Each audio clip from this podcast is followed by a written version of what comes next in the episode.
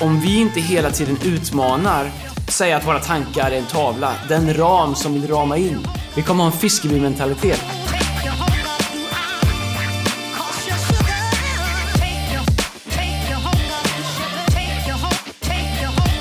Välkommen till femte avsnittet av Fearless Leadership. Det är 20-25 minuter när jag och eh, Erik Liljeroth pratar ledarskap. Uh, försöker svara på så mycket vi kan. Er, det, det går till så här, Erik ställer frågor till mig, uh, jag försöker svara dem, sen be, försöker vi bena ut det tillsammans. Um, vi har fått lite förfrågningar, eller vi har fått lite uh, feedback på att vi har sagt några gånger att uh, de här poddarna är ganska oförberedda. det kan man ju tycka att de är jämfört med hur strukturerade andra saker kan vara. Men samtidigt det som är kanske innehållet och annorlunda med den här podden, att vi pratar om saker som vi har förberett oss i 20 år för. Mm. Jag för min del i alla fall och uh, så det är det är inte bara så att vi sitter och killgissar på saker hur vi kommer på, utan Verkligen. det här är saker som vi dagligen lever i, jobbar med, pratar om, undervisar om, brottas med. Um, och ibland, hellre än att bara höra en ledarundervisning, så kan det vara härligt att komma in och, och få höra ett samtal runt omkring det. Så det är vad den här podden är, Fearless Leadership. Uh, hoppas att uh, den ska vara till uppmuntran, men också att den ska vara lite spetsig och att vi kan ha lite tryck i det samma tryck som MFF har i Allsvenskan. Men, kom igen. Men jag tänker på det, Andreas, är det inte så att alla borde ha någon i sitt liv som man liksom aldrig slutar och aldrig börjar samtalet med? Absolut. och det, det är väl det som kanske lite grann speglar den här podcasten, det samtalet och den relationen som du har. Det är ett samtal som aldrig riktigt börjar, aldrig riktigt slutar. Ibland kommer vi fram till något, oftast, eller hur? Ja.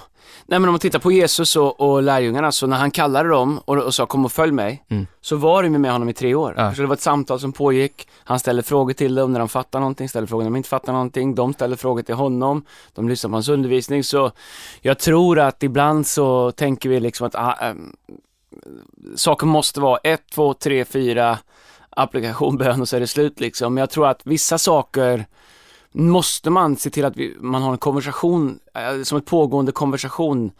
Jag tror att vi har hittat någon metodik tillsammans med några andra i våra team mm. eh, på flera olika lager där Alltså reasoning, att resonera är en väldigt framkomlig väg för oss. Mm. Det är sällan vi sätter oss ner och säger så här ska vi göra, jag har tänkt till, någon annan har tänkt till, nu är det klart, så jag ska göra. Utan det finns en, ett resonemang jag tror att så mycket av ledarskap, så mycket av vår utveckling som människor, så mycket av vår utveckling som ledare är att se till att vi, vi finns i konversationer. Inte som bara är luddiga och inte leder någonting. Jag tror att det är superviktigt med konversationer att man faktiskt kommer ner till någonting, att man bestämmer någonting, Verkligen. att det blir det vi kallar för applikation, application, att vi gör någonting med det.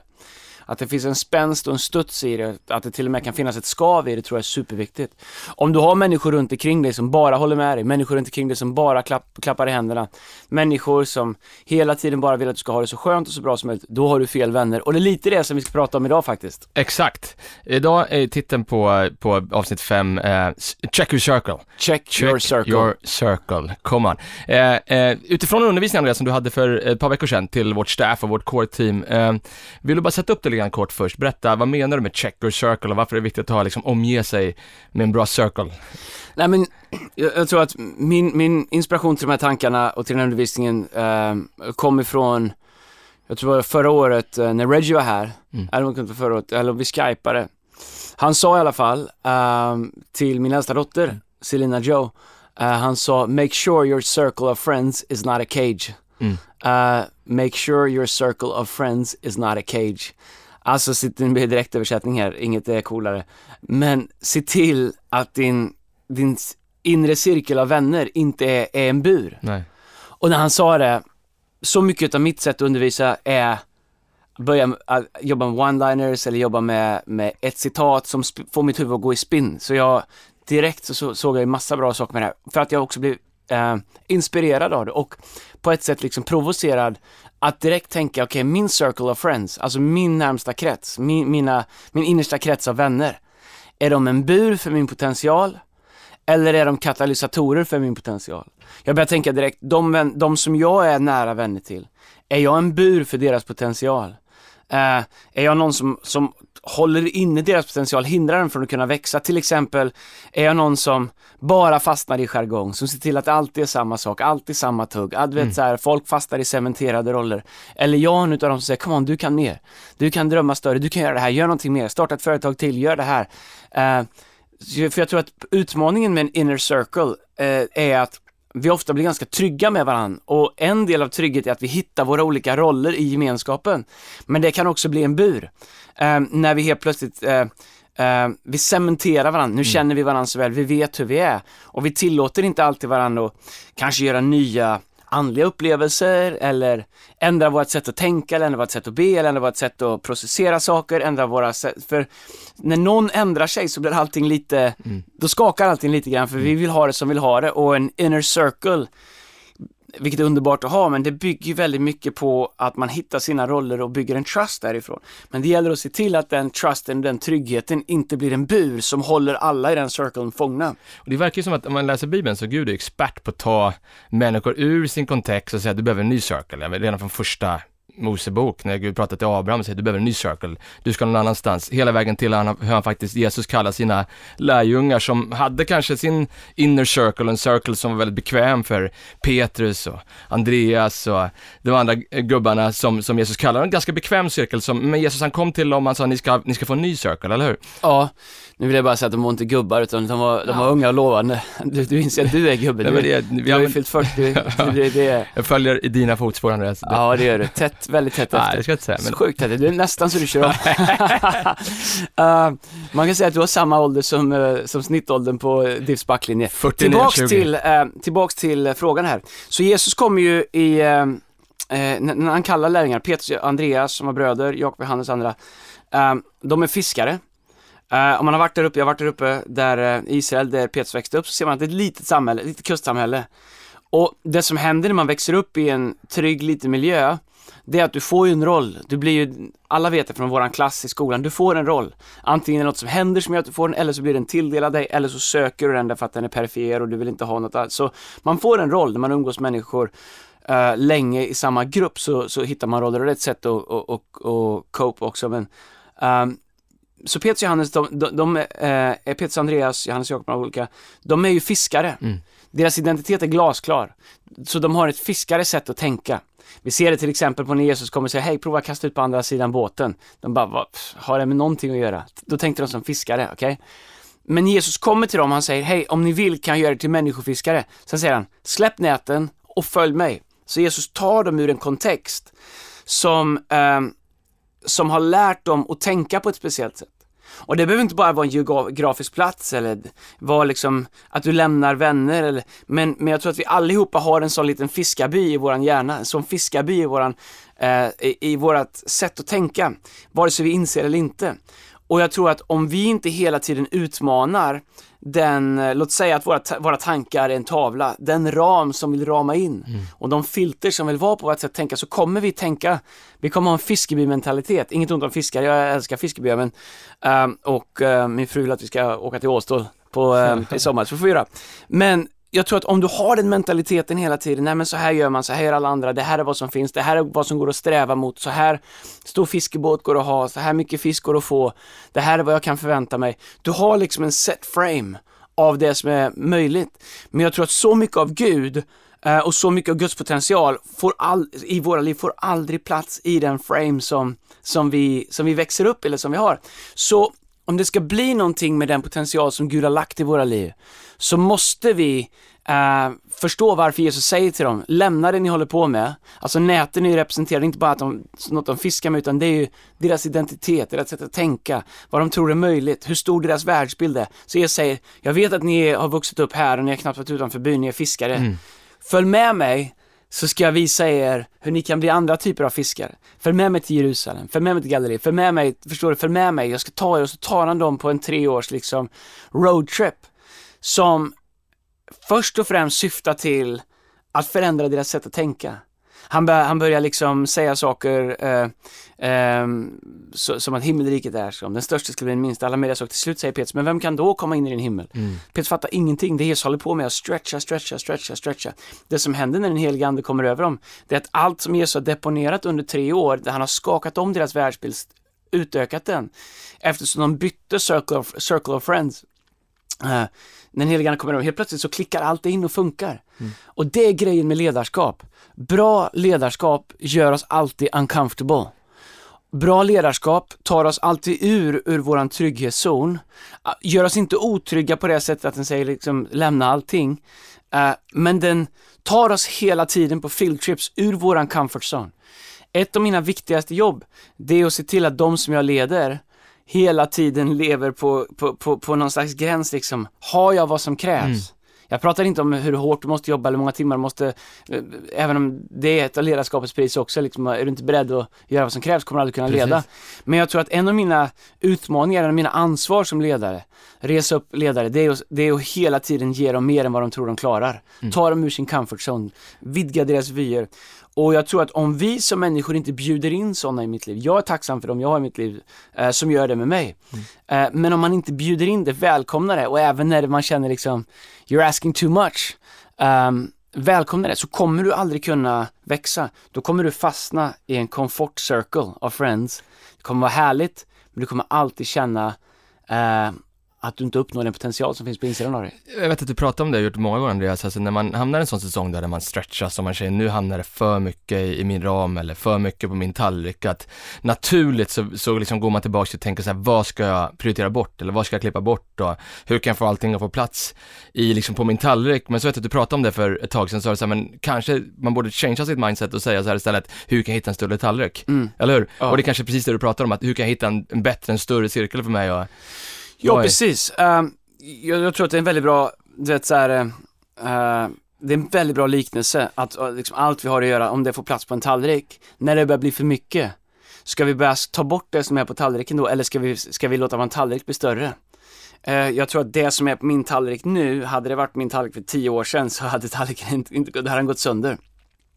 Men tack gode gud för att jag har för mig att det var en kontext där det finns människor som är committade till att min tallrik ska växa. Det jag klarar av att leda och bära och mm. göra ska växa. Men för att göra det så måste du ha människor i ditt liv som faktiskt provocerar dig till det. Därför att jag tror att alla människor i grunden söker någon form av komfort. Jag tror att eh, mediocrity och, och, och, och, eh, komfort och att det ska kännas bra, det är någonting som vi hela tiden dras mot uh, by nature. Mm. Uh, väldigt få människor av sig själva dras emot att bli stretchade eller dras emot uncomfort, uncomfort eller dras emot att eh, eh, ta på sig större förväntningar än vad man tror man klarar. Eh, vi pratar om det här givetvis inom ramen av balans, ett hälsosamt liv och alltihop det här, men utifrån ett ledarperspektiv. Så jag tror att eh, vi ställs hela tiden inför vägval. Och då är det så här, det är inte säkert att din circle of friends måste bli större för att din tallrik ska bli större. Ibland kanske det är tvärtom. Du måste göra en mindre, se till att okej, okay, den här perioden av mitt liv så behöver jag ha människor runt om mig som verkligen är committade till att stretcha mig, peppa mig, utmana, du vet så här, som jag verkligen kan vara autentisk med. Som jag verkligen kan vara, um, som, du vet så här, som är ska jag vara helt ärlig, det finns människor som har varit närmare mig, mm. som jag inte har lika nära mig längre. För att de vill att vi skulle stanna kvar på en plats som jag vill gå vidare ifrån. Mm. Mm. När jag känner att Gud har lagt mer i mig, vilket de hade gjort till säkert de också, men Gud har lagt mer i mig. En dag ska jag stå inför Gud och Gud ska fråga, vad gjorde du med det jag gav dig? Och då vill jag inte säga, nej men vi hade så himla skönt för eh, 20 år sedan när vi spelade liksom Playstation 4. Så vi, eh, jag gjorde inte mycket mer. Jag, jag gjorde, skapa en ganska skön tillvaro liksom. Jag hade ganska, jag vill att det som finns på insidan. Så lite nu och då så måste man strategiskt kanske säga, vet jag älskar dig, men vi kommer inte umgås lika mycket. Men också faktiskt intentional. Hitta någon som du tror kan hjälpa dig där du är och säga, vet du vad, jag skulle vilja träffa dig, jag skulle lära känna dig. Vad kan jag göra? Och då tänker vi ofta som svenskar så här, och sorry om det sticker ut men det är meningen. Att, ja men jag har ju frågat om vi kan träffas och, och den har inte sagt ja. Och om du, om, om, du vill, om du vill ha input från någon som är på nästa nivå, någon som leder på en större nivå än vad du gör, så är det första du behöver inse att de har mindre tid än vad du har, okej? Okay? Um, ehm, jag insåg tidigt, okej, okay, jag behöver komma deras väg. Mm. Jag behöver försöka fundera på, okej, okay, hur kan jag berika deras värld så att jag kan bli en del av den för att se, för att lära, för att ha konversationer. Inte, hur kan du stanna allt som du gör och komma till mig? För Jesus sa faktiskt till lärarna, kom och följ mig. Ja, Han sa inte, kan jag bo här hos er i tre år och försöka över, övertala er? Um, och jag tror ibland så måste man bara bestämma sig för att hitta någon att ta rygg på och ställa sig själv frågan, vad, vad behöver jag göra för att få en plats i den här cirkeln? Vad behöver jag göra för att kunna sitta vid det här bordet? Vad behöver jag göra för att få lite tid här? Inte bara sitta och grina och säga det är ingen som ringer mig, det är ingen som vill att jag ska komma. Det är det förmodligen inte om du är grinig. Um, och... Uh... Ja, det är grymt Annette. Jag tänker så här, hur vet man, jag tänker många som sitter och lyssnar på det här nu sitter säkert och reflekterar och tänker så här, har jag rätt circle liksom? Är jag rätt, har jag omgett mig med rätt människor? Hur vet man att man är i fel circle? Har du några check-up liksom, frågor som man ställer sig själv? Hur vet jag att det är dags att byta circle? Ja, men jag tror att uh, innerst sett nu, om du, om du är kristen och har den helige ande, så tror jag att den helige ande ibland, eller ofta hjälper oss med det. Jag tror att ett tecken för mig är Um, det finns några olika indikationer för mig, men de här kanske är mer för mig och jag kan ge lite generella sen. En av dem är att jag börjar känna mig oinspirerad. Um, jag börjar känna mig frustrerad. Um, jag tycker same same, samma igen, samma igen, samma igen, samma igen. Och jag tror att om du är med människor som vill, som vill växa, då, då kan ni göra resan tillsammans. Men om så fort någon i cirkeln liksom slår ner en pål i marken och säger ja, ja, här är mitt liksom, jag går inte längre.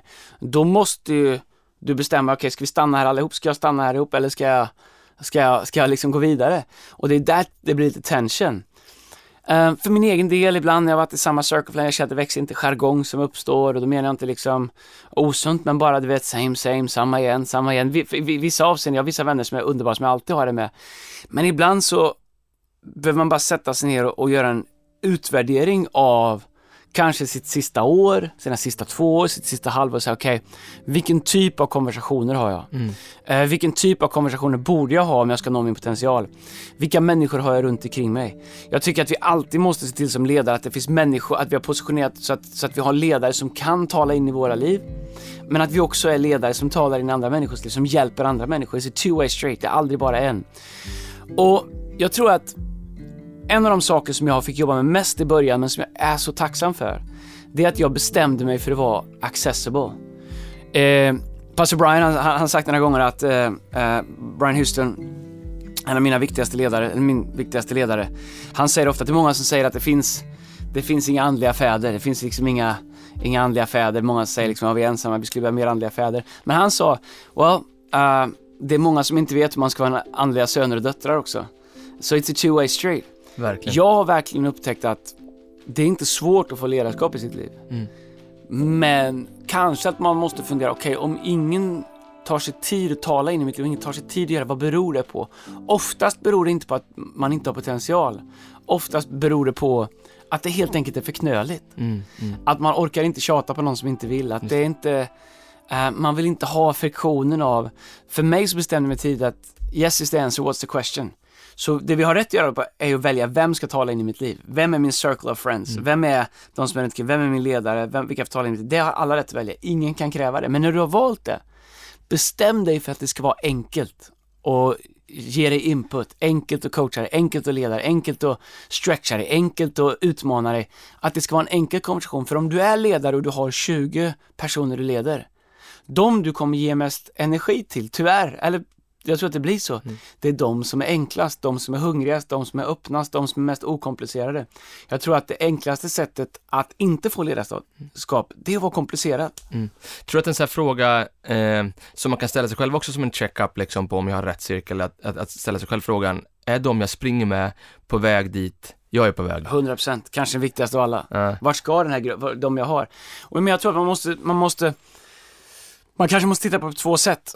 Uh, jag tror att man har olika circles. Jag tror inte att det är så att du har en circle och alla måste vara kallade till, i mitt fall att vara pastorer liksom. Jag, jag, umgås nästan, jag umgås mer med människor som inte är pastorer än som är pastorer.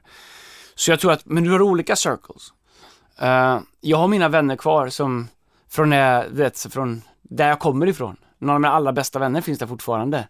Det är en circle. Vill mitt bästa, vi gör inte samma saker i livet, vi, men vi pratar fotboll, hockey, whatever, allt möjligt. Uh, alltid supernära. En känner att jag skulle kunna prata med vad som helst.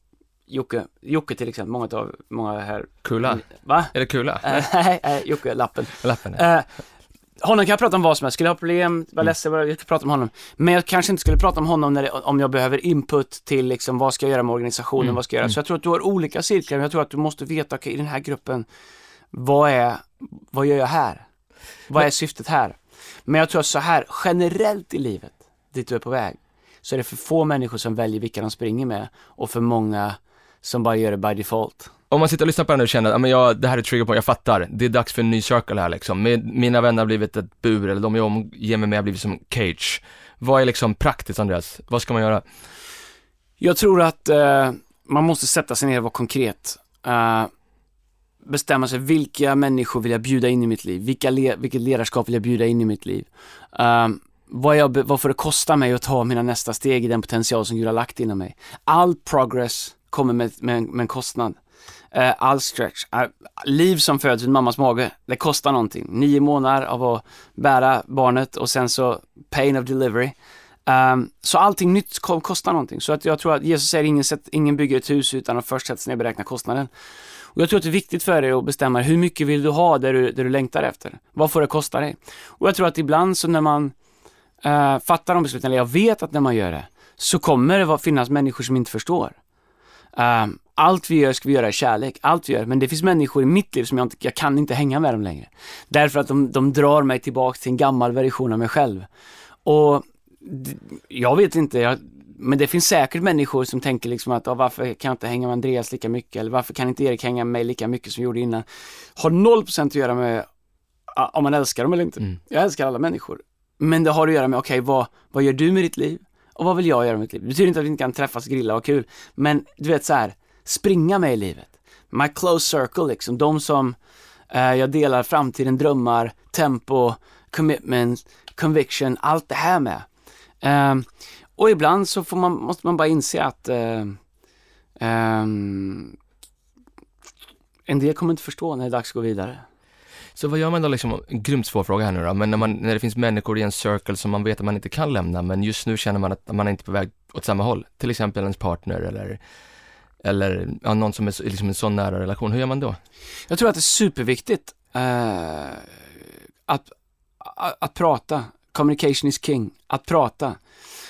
Du vet, en av de viktigaste principerna i Bibeln, det är, det är två viktiga principer, det finns massa viktiga, men två av de allra viktigaste. Det ena är allt som får ljus på sig, det släcks skuggorna. Skuggorna trivs bara i frånvaron av ljuset, okej? Okay? Um, det är det ena. Så om jag har en partner eller en vän och det bara känns, okej okay, det skaver, det finns inte. Det existerar där för att vi inte sätter ljuset på det. Mm. Hur sätter man ljuset på det? Man pratar om det. Uh, Jesus kallade saker för vad de var. Han, han satte ord på det, han sa det här, det här är det här, det här är det här. När Gud skapade världen så sa han, det här är land, det här är fiskar, det här är det. Han, han gav saker, alltså han kallade det för vad det är. Jag tror att tension i relationer, inte minst mellan kanske partners, där den ena vill någonting och den andra vill inte det, är att det får existera något skuggland. Det bästa är att sätta ljuset på det. Prata med varandra, säg det här, det här är vad jag vill göra med mitt liv. Det här är vad jag trodde vi var överens om att vi skulle göra med våra liv. När vi gick in i vårt äktenskap, när vi gick in i vår relation, när vi gick in i vår vänskap, då drömde vi om det här. Vart har drömmarna tagit vägen? Vad var det vi skulle göra med våra liv? Eh, det måste finnas mer. Jag är för att bygga en bra tillvaro. Du vet så här, och att vara välsignad och ha det, du vet så här, mm. absolut, jag, jag vill också ha, ha det så i livet. Men det är inte viktigaste för mig i livet. Men jag märker med mig och Lina också, vi måste prata om det här. För comfort och, och liksom eh, allt det här, det försöker ta oss allihop.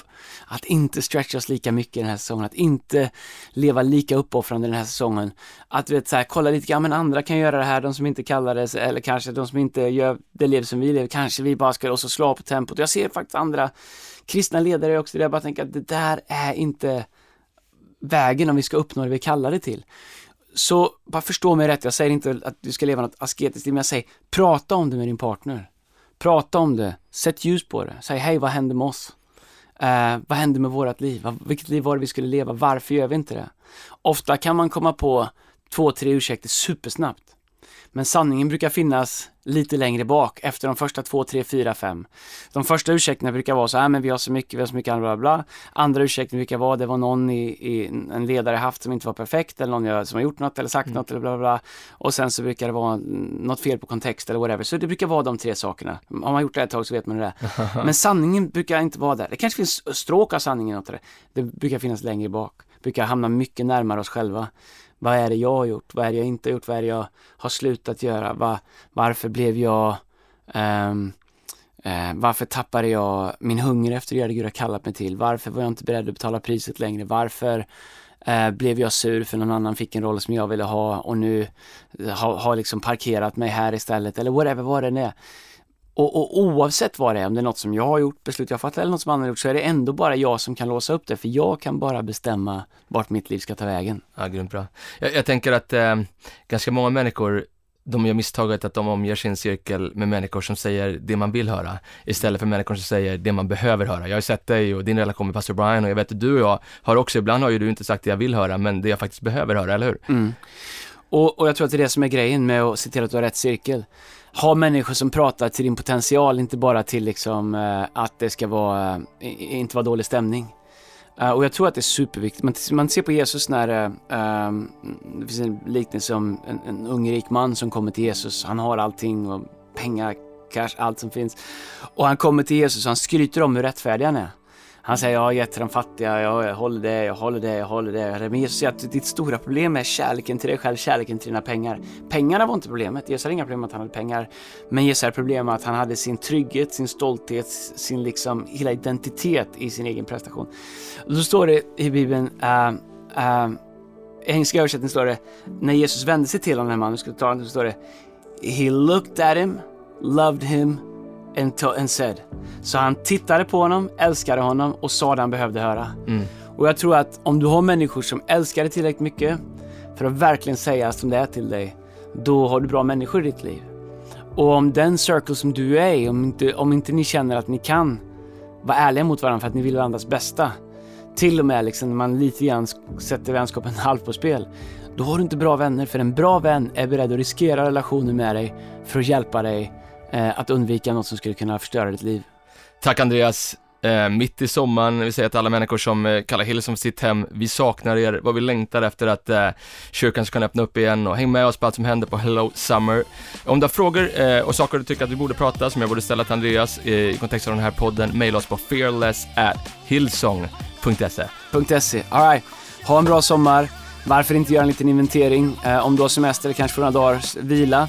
Fundera på din circle, fundera på vart de är på väg, fundera på vart du är på väg. Check your circle och uh, fullfölj den potential som Gud har lagt inom dig.